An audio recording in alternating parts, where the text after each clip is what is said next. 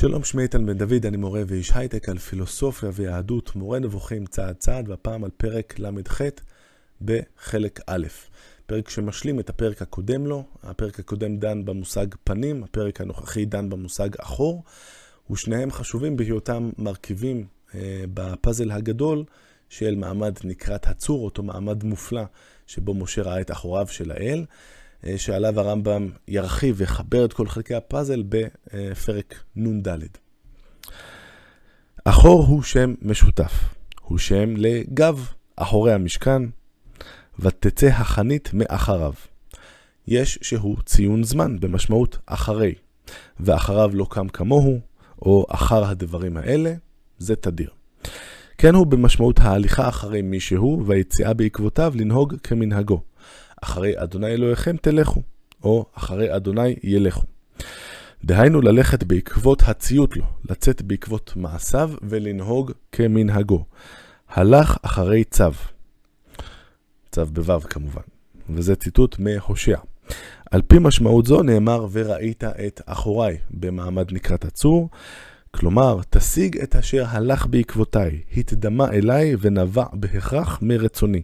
כלומר, תשיג את בריותיי כולן, כפי שאסביר מאחד, באחד מפרקי ספר זה. זהו, פרק מאוד קצר יחסית. אה, כמובן מה שחשוב בו זה החלק האחרון.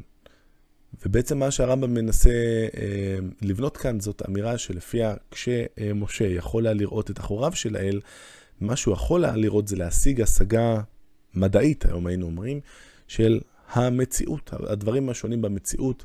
ואיך הם בנויים, ממה הם מורכבים.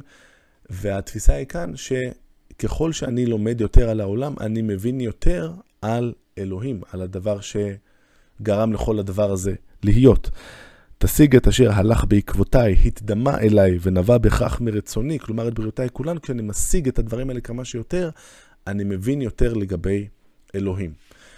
אה, דיברתי על זה באחד הפרקים הקודמים, בעצם אצל הרמב"ם יש אה, דרך אחת להגיע לאל שהיא דרך ההשכלה המדעית של להבין את העולם, אה, הדברים שיש בעולם, וזה גם בעקבות אריסטו שהיה קודם כל ביולוג.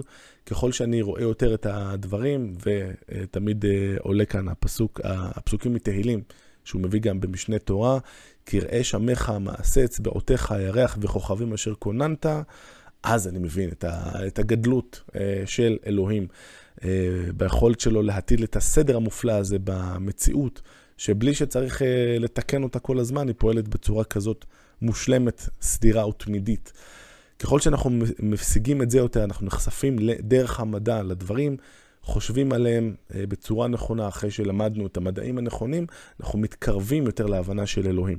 אחר כך מגיעה התנועה שיש בה מומנט הפוך של לשלול את הדברים שהם לא נכונים כלפי האל, לשלול את התארים, ובכך אנחנו יכולים להתקרב לאט לאט כמה שיותר לאלוהים בדרך שבה אנחנו אה, מסירים מכשולים מהדרך, מסירים תפישות, תפיסות שגויות אודותיו. זאת הדרך להגיע להכרה הנכונה אודות אלוהים, כפי שהרמב"ם עוד ימשיך ויפרט בפרק נ"ד של חלק א', פרק קצר הפעם, ככה אמרנו, אז עד כאן הפעם, להתראות.